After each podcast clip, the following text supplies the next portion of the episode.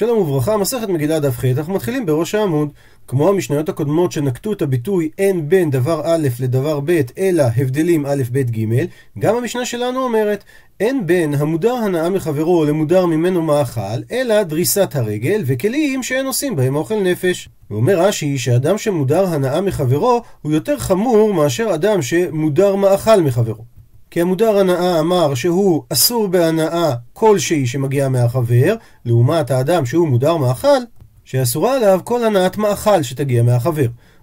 ואומרת המשנה שבכל זאת יש רק שני הבדלים ביניהם. דריסת הרגל, שהמודר הנאה אסור להיכנס לביתו, לעומת המודר מאכל שהוא מותר להיכנס לביתו. הדבר השני, כלים שאין עושים בהם אוכל נפש, שאותם מותר להשיל למודר מאכל. הוא מסייג רש"י שזה דווקא במקום שאין מזכירים כלים כאלה, אבל במקום שמזכירים כלים כאלה, הרי שנינו במפורש במסכת נדרים, שהמודר הנאה אסור לו לקבל כל הנאה שאם האדם הזה היה מהנה אותו, הוא היה מחסר בפרוטה, זאת אומרת חוסך כסף, וממילא זה מתרגם להנאת מאכל, שהרי ראויה אותה פרוטה לקנות במאכל. הוא מדייק את הגמרא שדווקא כלים שאין עושים בהם אוכל נפש, לעניין כלים שעושים בהם אוכל נפש, זה וזה שווים, שהם אסורים אף למודר מאכל, אפילו במקום שאין מזכירים את הכלים הללו. ציטוט מהמשנה, הבדל נוסף ביניהם זה דריסת הרגל, ועל כך שואלת הגמרא, הלא קפדי אינשי. הרי אנשים לא מקפידים כשבן אדם עובר במקום שלהם, אז אם ככה, מדוע הדבר הזה אסור במודר הנאה? עונה הגמרא, אמר רבא, המאני, המשנה שלנו כשיטת מי? רבי אליעזר, דאמר, ויתור אסור במודר הנאה. שזו שיטה יחידנית שאומרת שדבר שהאדם היה מוותר לכל אדם ולא היה מקפיד עליו, כך שלכאורה אין פה הנאה כי אין לדבר הזה שום שווי, בכל זאת אומר רבי אליעזר שזה אסור למודר הנאה. אומרת המשנה, אין בין נדרים לנדבות, אלא שהנדרים חייב באחריותן, ונדבות אינו חייב באחריותן. הוא מסביר רש"י, שמי שנודר נדר הוא מטיל את החיוב על עצמו. לדוגמה, מי שאומר הרי עליי עולה, אחרי זמן הוא מפריש את הקורבן, אז הוא יהיה חייב באחריותה. לעומת זאת, נדבה זה מי שלא מטיל את החיוב עליו, אלא על הדבר שאותו הוא מנדב. לדוגמה, אם הוא אומר, הרי זו עולה, אבל הוא לא מקבל את זה עליו כחובה. ולכן לאחר שהוא הפריש את זה, הוא לא יהיה חייב באחריותה. הוא מדייק את הגמרא, הלעניין איסור בל תאחר, זה וזה שווים. ואומר רש"י, אמנם בנדבה לא מופיע הפסוק של בל תאחר, אלא רק בעניין נדר שאסור לאחר את זה לפי השיטות השונות אחרי זמן מסוים, ובכל זאת זה רלוונטי גם לעניין נדבה, כי הגמרא במסכת ראש השנה לומדת את הדברים בגזרה שווה. ומביאה הגמרא משנה ממסכת קינים להרחבת הביאור. תננתם, כך שנינו במשנה. איזהו נדר? האומר הרי עליי עולה. איזוהי נדבה? האומר הרי זו עולה. ומה בנדרים לנדבות? נדרים אם מתו או נגנבו או עבדו הוא חייב באחריותן. נדבות לעומת זאת אם הם מתו או נגנבו או עבדו אינו חייב באחריותן. ושואלת הגמרא מנענה מילי מה המקור לכך שרק הנודר חייב באחריות ולא הנודב? דתנו רבנן שכך שנינו בברייתא על הפסוק וסמך ידו על ראש העולה ונרצה לו לכפר עליו. שרבי שמעון אומר שהמילה עליו מלמדת שעת שעליו חייב באחריותו ועת שאינו עליו אינו חייב באחריותו. מסביר רש"י שכך דרש רבי שמעון את הפסוק ונרצה לו לכפר ונרצה לו הנדר שלו שיתכפר דהיינו, כשיביא את הקורבן, שרק אז נרצה לו הנדר, אבל לפני הכפרה לא נרצה הנדר. ובאיזה קורבן מדובר? זה נלמד מהמילה עליו, דווקא בקורבן שהחיוב מוטל עליו. וממשיכה הגמרא ושואלת, מהי משמע שהמילה עליו זה קבלת אחריות על האדם? עונה הגמרא, אמר רבי יצחק בר אבדימי, כיוון דאמר האדם את המילה עליי, אז זה כמאן דתין הכתפי דמי. זה דומה כאילו הטעין את הדבר על הכתף שלו. ומשמעות הדבר שהוא קיבל עליו אחריות. ואומרת המשנה, אין בין זב הרואה שתי ראיות לרואה שלוש ראיות, אלא קורבן. זב זה אדם שיוצאת לו הפרשה מאיבר המילה, ויש הבדל אם הוא ראה שתי ראיות של זיווה במהלך של יום אחד או בשני ימים רצופים, או אם הוא ראה שלוש ראיות במהלך של בין יום אחד לשלושה ימים רצופים, כאשר יש רצף ביניהם, למשל הוא יכול לראות שתיים ביום אחד וראייה אחת למחרת. אז אומרת הגמרא שההבדל היחיד בין זב שראה שתי ראיות לרואה שלוש ראיות זה אם הוא צריך להביא קורבן או לא. מדייקת הגמרא, הלעניין משכב ומושב ולעניין וספירת שבעה זה וזה שווים. שהדינים האלה רלוונטיים בין לזב הרואה שתי ראיות, בין לזב הרואה שלוש ראיות. ומסביר רש"י, משכב ומושב, שאם שכב או ישב הזב על גבי אפילו עשרה בגדים זה על זה, כולם נחשבים אבות אדומה, אפילו אם הוא לא נגע בהם באופן ישיר. ואם הוא נגע בדבר שאינו משכב ומושב, אז הדבר שהוא נגע בו הופך ראשון לטומאה, אבל הוא לא מטמא אדם וכלים, אלא רק אוכלים ומשקים. שלעומת הדין הרגיל, שאב הטומאה מטמא חפץ שהוא נוגע בו, ואותו חפץ נעשה כלי ראשון לטומאה, בזהב התורה החמירה, שאם הוא נשען על חפץ שמיועד לשכיבה או ישיבה, החפץ נטמע ונעשה אב הטומאה אפילו אם הזב לא נגע בו, ואפילו אם הייתה ערימת מצעים והזב נשען עליה, נעשו כולם אב הטומאה. ולעניין ספירת שבעה מסביר רש"י, שמי שיפסוק לראות את הזיווה, הוא צריך לספור שבעה ימים נקיים ללא זיווה לפני שהוא יטבול. ואם הוא ראה זיווה באחד מהימים האלה, הרי הוא סתר את כל הימים שהוא כבר מנה, והוא צריך להתחיל לספור מחדש. ושואלת הגמרא, מנענה מילי, מה המקור לדין הזה? אומרת הגמרא, דתנו רבנן, שכך שנינו בברייתא, רבי סימאי אומר, מנה הכתוב שתיים וקראות טמא, שלוש וקראות טמא. מסביר רש"י, מנה כתוב שתיים, כתוב בפסוק ואיש כי יהיה זב מבשרו, זובו, ואז כתוב טמא הוא. אז יש לנו שתי פעמים זיוות מוזכר בפסוק, ואת המילה טמא, או שלוש וקראות טמא, שיש פסוק בהמשך שאומר וזאת תהיה טומאתו בזובו, רר בשרו את זובו, או יחתים בשרו מזובו, הרי יש לנו פה שלוש פעמים שמוזכרת המילה זובו, וקראות טמא, שאמר טומאתו היא. כך זה מופיע בפסוק, איש איש כי יהיה זב מבשרו זובו טמא הוא. זו המשמעות של שתיים וקראו טמא, והמשמעות של שלוש וקראו טמא, כתוב וזאת תהיה טומאתו בזובו, רר בשרו את זובו, או החתים בשרו מזובו, אז שלוש פעמים זובו, טומאתו היא. ושואל רבי סימאי, הכיצד? אם בשתי ראיות התורה אמרה שהוא טמא, אז למה פירט לך כתוב שלוש ראיות? עונה רבי סימאי, מכאן אתה למד, שתיים זה לטומאה ושלוש לקורבן. שזב שראה שתי ראיות, יש עליו את כל חומר טומאת זב, אבל הוא לא צריך להביא קורבן. ומי שראה שלוש ראיות, הוא גם צריך להביא קורבן. שואלת הגמרא, למה לא נאמר הפוך? ואימר שתיים לטומאה ולא לקורבן, שלוש לקורבן ולא לטומאה. עונה הגמרא, אמרת שעד שלא ראה שלוש, ראה שתיים. אז שתי הראיות קודמות לשלוש ראיות, אז הוא כבר ירד לכל חומר טומאה. אז מי הוציאו מהטומאה שאתה רוצה לומר ששלוש ראיות זה לקורבן ולא לטומאה? לכן צריך לומר ששתיים זה לטומאה, ומתווסף על זה שלוש לקורבן. ממשיכה הגמרא ושואלת, ואימר שתיים לקורבן ולא לטומאה, שלוש אף לטומאה. אולי נאמר שאחרי שתי ראיות אין עליו טומאה חמורה כזב, אלא רק כבעל קרי, והוא כבר מחויב להביא קורבן, ומי שראה שלוש, אז בנוסף לקורבן, יש עליו גם את הטומאה החמורה של זב. דוחה הגמרא, לא סלקא דעתך, לא יעלה על דעתך לומר כך, דתניא, שכך שנינו בברייתא. כתוב לגבי זב, וכיפר עליו הכהן לפני השם מזובו. והמם במילה מזובו, המשמעות שלה מקצת זובו. כך שמכאן לומדים מקצת זבים מביאים קורבן, ומקצת זבין אין מביאים קורבן. הוא מפרט את הברייתא, הכיצד? אם הוא ראה שלוש ראיות של זיווה מביא, אבל אם הוא ראה שתיים אינו מביא. או אינו אלא, אולי תאמר הפוך, שאם הוא ראה שתיים אז הוא מביא קורבן, ואם הוא ראה שלוש אינו מביא קורבן. מוכיחה הברייתא, אמרת עד שלא ראה שלוש ראה שתיים. ולכן לא ייתכן שאם הוא ראה שתיים יש עליו חיוב קורבן, ואם הוא ראה שלוש אין עליו חיוב קורבן. לכן בהכרח צריך לפרש שהמילה מזובו באה ללמד שמי שראה שלוש מביא ומי שראה שתיים אינו מביא קורבן. עד לפה ראינו שתי דרשות, את הדרשה של רבי סימאי שמנה כתוב שתיים וקראו טמא שלוש וקראו טמא ואת הדרשה של הברייתא וכיפר עליו הכהן לפני השם מזובו. ולכאורה שני הדברים מלמדים את אותו הדבר. אומרת הגמרא ואיצטריך דרבי סימאי ואיצטריך מזובו צריך את שתי הדרשות. הוא מפרט את הגמרא. דאי מדי רבי סימאי, שאם הייתי לומד רק ממה שאמר רבי סימאי, מנה כתוב שתיים וקראו טמא, שלוש וקראו טמא, הווה אמינא, אז הייתי אולי אומר כי קושיין, שאולי נאמר ששתיים לקורבן ולא לטומאה, ושלוש גם לקורבן וגם לטומאה. לכן, כמה שמלן, היינו צריכים גם את הדרשה מזובו, שחיוב הקורבן הוא רק על שלוש ראיות ולא על שתיים. ומצד שני, ואם היינו לומדים רק מזובו, אז לא ידענה כמה ראיות. שאומנם המילה מזובו מלמדת אותנו שמקצת זבין מביאים קורבן ומקצת זבין אין מביאים קורבן, אבל לא היינו יודעים האם הכוונה להבדל בין שלוש וארבע או בין שתיים ושלוש ראיות. לכן, כמה השמלן בא ומשמיע לנו את הלימוד של דרבי סימאי, שההבדל שאליו התכוון הפסוק זה בין שתיים לבין שלוש. ממשיכה הגמרא ושואלת, והשתא דאמרת, ועכשיו שלמדת שהמילה מזובו לדרשה, אז הפסוק שאומר, וכי יתר עזב מזובו, וספר לו שבעת ימים לטהרתו, וכיבס בגדיו, ורחץ בשרו במים חיים וטהר, מהי דרשת בי? מה שם אתה לומד מהמיעוט של מזובו? עונה הגמרא, ההוא, מבא הוא נצרך לכדי תניא, כמו שלמדנו בברייתא, שמה שכתוב וכי יטהר הזב, ואחר כך כתוב וספר, ואחר כך כתוב שהוא ירחץ במים, זה מתי? רק לכשיפסוק מזובו.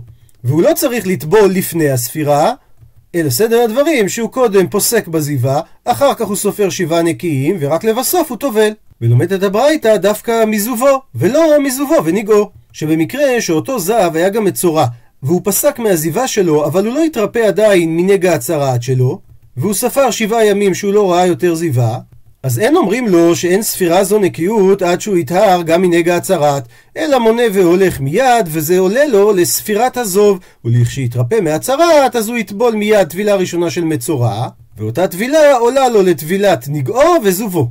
שמאותו רגע הוא נטהר מלטמא משכב ומושב ולטומא כלי חרס בהסת כדין זב. ואף על פי שהוא צריך לספור שבעה ימים בשביל הצרת כדי שהוא יוכל לאכול קודשים ולטבול את הטבילה השנייה, כמו שכתוב לעניין מצורע, ורחץ במים ותאר, ואחר יבוא אל המחנה, וישב מחוץ לאוהלו שבעת ימים, והיה ביום השביעי יגלח את כל שערו וגומר, ובהמשך ורחץ את בשרו במים. בכל זאת מועילה לו הטבילה הראשונה כדי לטהר אותו מטומאת הזב שלו, שהוא כבר לא מטמא, משכב ומושב וכלי חרס בהסת. וממשיכה הברייתא, ומה שכתוב מזובו וספר, הכוונה לסמיכות בפסוק, וכי יתר הזב מזובו וספר לו שבעת ימים, אז הסמיך הפסוק את עניין הספירה אצל המילה מזובו, כדי ללמד אותך שלימד על זב בעל שתי ראיות שטעון ספירת שבעה. שלא רק זב של שלוש ראיות חייב, אלא גם מזובו. גם זב שהוא מקצת זיווה, שהוא בעל שתי ראיות, גם הוא חייב לספור שבעה נקיים. מקשה הגמרא, והלא דינו, שהרי אם מטמא משכב ומושב לא יהא טעון ספירת שבעה? למה צריך ללמוד את זה מפסוק? הרי לכאורה זה דין, זה קל וחומר. שהרי אם זב שראה שתי ראיות, יש עליו את כל חומר טומאת זב, אז למה שהוא יתמעט מחובת ספירה של שבעה נקיים? הפכנו דף, עונה הגמרא, שומרת יום כנגד יום תוכיח, שמטמאה משכב ומושב ואינה טעונה ספירת שבעה. מדין תורה, שבעת הימים הראשונים, הדם שרואה האישה הוא דם נידה, הדם שהיא תראה באחד עשר הימים שאחר כך הוא דם זיווה. אז אישה שרואה יום אחד או שניים בתוך 11 ימי הזיווה שבין דם נידה אחד לדם נידה שני, היא צריכה למנות יום אחד נקי ללא דם זיווה, והיא טובלת בו ביום. והיא נקראת זבה קטנה. אם היא תראה שלושה ימים, היא נקראת זבה גדולה, ולא מספיק שהיא תטבול, אלא גם צריכה להביא קורבן. אז אישה שרואה יום אחד או שניים בתוך 11 הימים הללו, שבין נידה לנידה, הרי היא מונה יום אחד נקי וטובלת בו ביום. והיא נקראת זבה קטנה. זבה גדולה זה מי שתראה שלושה ימים, והיא צריכה לספור שבעה נקיים וגם להביא קורבן. אבל מבחינת דיני הטומאה, גם זבה קטנה, מה שנקרא שומרת יום כנגד יום, היא תוכיח שאת הדין הטומאה שהיא מטמאה משכב ומושב, והיא אינה טעונה ספרת שבעה. ואף אתה, אל תטמא על זה על זב בעל שתי ראויות, שאף על פי שמטמא משכב ומושב, שזה הטומאה החמורה, בכל זאת לא יהיה טעון ספירת שבעה, בדיוק כמו שומרת יום כנגד יום. לכן תלמוד לומר מזובו וספר, מקצת זובו וספר, לימד על זב בעל שתי ראיות שטעון ספירת שבעה. ושואל על כך אמר לרב פאפא לאביי, מה ישנה היי מזובו דמרבי בי זב בעל שתי ראיות? מדוע למדנו עכשיו שמה שכתוב מזובו וספר לו, שזה מרבה שגם זב שהוא בעל שתי ראיות צריך לספור שבעה נקיים. ומה ישנה היי מזובו? ומה שונה מזובו שלמדנו קודם, שלגבי החובה להביא קורבן, המילה מזובו דווקא לימדה דממעט בי זהב בעל שתי ראיות. למה גם שם לא דרשנו שזה מרבה זהב בעל שתי ראיות לקורבן? אמר לי, עונה לו אביי, איסא על כדעתך, אם היה עולה על דעתך לומר, היי, למיעוט יהודעתה, שהמילה מזובו שנאמרה בצמוד ל וספר, זה בא למעט ולא לרבות, אז אם כך, לישתוק קרא מיני, שהפסוק בכלל לא יגיד את זה, ומאיך תהייתי לן ספירה. ואין לנו מקור בכלל לחייב זב בעל שתי ראיות בספירה של שבעה נקיים.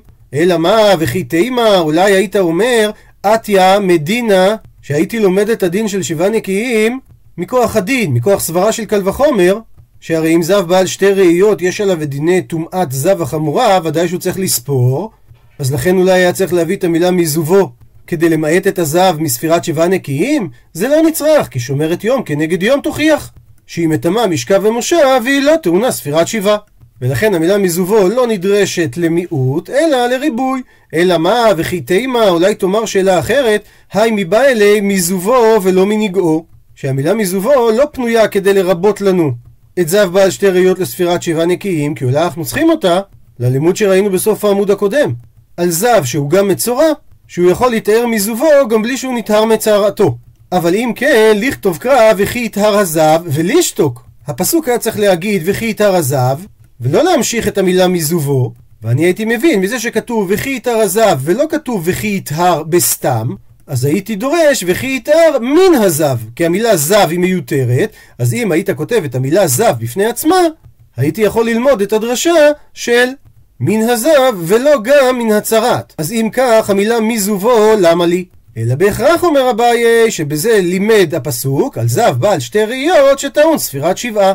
ולכן למסקנה, וכי יתר הזב מזובו בפסוק י"ג זה בא לרבות זב בעל שתי ראיות שגם הוא צריך לספור שבעת ימים לטהרתו. מה שאין כן, המילה מזובו בפסוק ט"ו שמדברת על הקורבן וכיפר עליו הכהן לפני השם מזובו, שהיא באה למעט זב בעל שתי ראיות שהוא לא צריך להביא קורבן. ואומרת המשנה, אין בין מצורע מוסגר למצורע מוחלט, אלא פריאה ופרימה. אין בין טהור מתוך הסגר לטהור מתוך החלט, אלא תגלחת וציפורים. מתוך האתר של מכון המקדש נקרא את ענייני המצורע.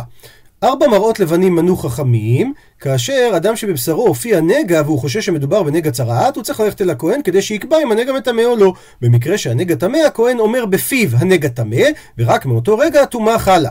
התורה מונה ארבעה סימנים שמהווים סימני טומאה בנגע, ובמקרה שנמצא נגע באור האדם אבל אין בו סימן טומאה, הרי הכהן מסגיר את המצורע למשך שבעה ימים, אסור לו לבוא בקהל. אם לאחר שבעה ימים אלו לא נולדו בנגע סימני טומאה, הכהן מסגיר את הנגע לשבעה ימים נוספים, ואם לא מתפתחים סימני טומאה, הכהן מטהר אותו. מצורע מוסגר זה מצורע שמוסגר לשבעה ימים, הוא נחשב כטמא לכל דיני המצורע, פרט לחיוב פריאה ופרימה, שכן פריאה ופרימה הן מנהגו של מצורע טמא, הם נאמרו דווקא לגבי מצורע מוחלט. דבר נוסף, המצורע המוסגר נטהר מצערתו, פטור מהדינים שאמורים בטהרת המצורע, כגון תגלחת וציפורים. מצורע מוחלט זה מצורע שיצא מכלל ספק, הכהן ראה את סימני הטומאה על בשרו, הוא הכריז עליו כמצורע ודאי, ועליו מוטל לצאת מחוץ לשלוש מחנות. המצורע הזה מחויב לפרוע את ראשו ולפרום את בגדיו, ולנהוג בשאר הדנים האמורים כל זמן שהנגע קיים בו. הוא לא נטהר מטומאה זו, אלא אם כן נעלמו סימני הטומאה. הוא מדייק את הגמרא, הלעניין שילוח וטומאה זה וזה שווים. מסביר רש"י, לעניין שילוח מחוץ לחומת העיר ירושלים, ולעניין טומאה, כל חומר טומאה אמורה במצורע, אין הבדל בין מצורע מוסגר למצורע מוחלט. ששניהם צריכים לצאת מחוץ לעיר, שזה מחוץ לשלוש המחנות, שזה מחנה שכינה שנמצא בתוך העזרה, מחנה לוויה שזה הר הבית, וכל העיר ירושלים שזה מחנה ישראל. ושואלת הגמרא, מנענה מילי, מה המקור לכך? עונה הגמרא, דתני ששנה רב שמואל בר יצחק קמי לפני דרב הונא. שכתוב, ותיארו הכהן מספחת היא, וכיבס בגדיו וטהר. וזה מדבר במצורע שבא לכלל טהרה מתוך הסגרו ולא מצורע מוחלט, ומזה שכתוב וטהר וזה לשון עבר, ולא כתוב ויטהר שזה לשון עתיד, אז זה מלמד שכבר קודם טבילה הוא היה טהור ממקצת הטומאה שיש על חומרת מצורע. דהיינו שהוא טהור מפריאה ופרימה דמעיקרא. שאין פריאה ופרימה חלים על מצורע מוסגר, אלא רק על מצורע מוחלט. שואל אותו אמר לו רבא, אלא מעתה שאתה דורש את הלשון וטהר שהיא מלמדת על משהו שהיה קודם, אז גבי זב דכתיב וכיבס בגדיו וטהר, התמי וטהר מעיקרא איכא. לגבי זב, מה טהור מעיקרא אתה יכול לומר? שהרי הפסוק מדבר על זב עם שלוש ראיות. אלא בהכרח צריך לומר שהוא טהור השתא, שהוא טהור מעכשיו מלטמק לחרס בהסת. ואף על גב שטבילתו ביום, ואם הוא יראה שוב פעם זיווה אחר הטבילה, הרי הוא סתר את כל הספירה שלו והוא מטמא למפרע משכב ומושב, כמו שאומרת הגמרא בפסחים. וכל שכן שהוא יטמא אדם שהוא נגע בו. בכל זאת, אנחנו אומרים שהטבילה מועילה לו מלטמא כלי חרס שהוא הסית בין הטבילה לראייה החדשה. ובלשון הגמרא, אף על גב דהדר חזי, אפילו שהוא יחזור ויראה זיווה, לא מטמא למפרע. אז החנמי, אז באותו אופן, המילה וטהר שנאמרה במצורע, הכוונה טהור השתא עכשיו מלטמא בביאה למפרע. שמצורע מטמא אדם וכלים שנכנסים עמו לבית, אבל אם הוא טבל, נכנסו איתו לבית, ואז חזרה המספחת ופסתה באור, והוא נטמע מחדש כמצורע, הרי מה שהיה איתו בבית בין הטבילה לבין שהנגע נראה מחדש, טהור. אז אם כך, חוזרת השאלה, מה המקור שאין חיוב פריאה ופרימה במצורע מוסגר, אלא מה רבה מהכה, מזה שכתוב, והצרוע אשר בו הנגה. והדגש בפסוק, מי שצרעתו תלויה בגופו. יצא זה המצורע המוסגר, שאין צרעתו תלויה בגופו, אלא בימים. שהרי הטומאה שלו תלויה בימי ההסגר שלו, כי אם לא יימצא ביום השביעי סימני טומאה, הרי הכהן יתאר אותו אפילו שהנגע נשאר באותו מצב. ולכן מה שכתוב, והצרוע אשר בו הנגע, בגדיו יהיו פרומים, וראשו יהיה פרוע, זה מדבר רק על מצורע מוחלט ולא על מצורע מוסגר. שואל אותו אמר לאביי, אלא מעתה מה שכתוב בפסוק, כל ימי אשר הנגע בו יטמע, וזה מדבר לגבי שילוח מהמחנות, האם גם בזה תאמר שמי שצרעתו תלויה בגופו הוא דטעון שילוח, ומי שאין צרעתו תלויה בגופו אין טעון שילוח? וכי תימא הכי נמי, ואם באמת תרצה לומר כך, והקטני, והרי למדנו במשנה שאין בין מצורע מוסגר למצורע מוחלט, אלא פריאה ופרימה. הא לעניין שילוח ולתמויה בביאה, זה וזה שווים. ואם כך, הדיוק שלך מהמילה בו זה דיוק לא נכון. אמר לי, עונה רבא לאביי, ימי, כל ימי. דהיינו, הפסוק יכול היה לכתוב ימי, והפסוק השתמש במילה כל ימי. ובזה הוא לימד לרבות מצורע מוסגר לשילוח. ובאמת, אם הוא לא היה משתמש במילה כל, אז הייתי לומד שזה רלוונטי רק למצורע מוחלט ולא למצורע מוסגר. שואלת הגמרא, אי הכי, אז אם כך, תגלחת וציפורים, מה טעמה לא? דקטני, שהרי אמרה המשנה, אין בין טהור מתוך הסגר לטהור מתוך החלט, אלא תגלחת וציפורים. ואם אתה רבא אומר שהמילים כל ימי באים לרבות מצורע מוסגר, אז למה זה בא לרבות רק לשילוח שירבה גם לעניין תגלחת וציפורים? עונה על כך, אמר אביי, אמר קרא, כי כתוב בפסוק, ויצא הכהן אל מחוץ למחנה, והנה נרפא נגע הצרעת. ובהמשך כתוב, שתי ציפורים חיות טהורות וגילח את כל שערו. וזה מלמד שמי שצרעתו תלויה ברפואות, שהרי כתוב והנה נרפא, זו זה שצריך להביא את הציפורים ולעשות את התגלחת. מה שאין כן יצא זה המצורע המוסגר, שאין צרעתו תלויה ברפואות, אלא בימים. שאם לא ימצא הכהן ביום השביעי סימני טומאה, הרי הוא יתאר אותו, אף על פי שהנגע נשאר באותו מצב. עד לכאן דף ח'.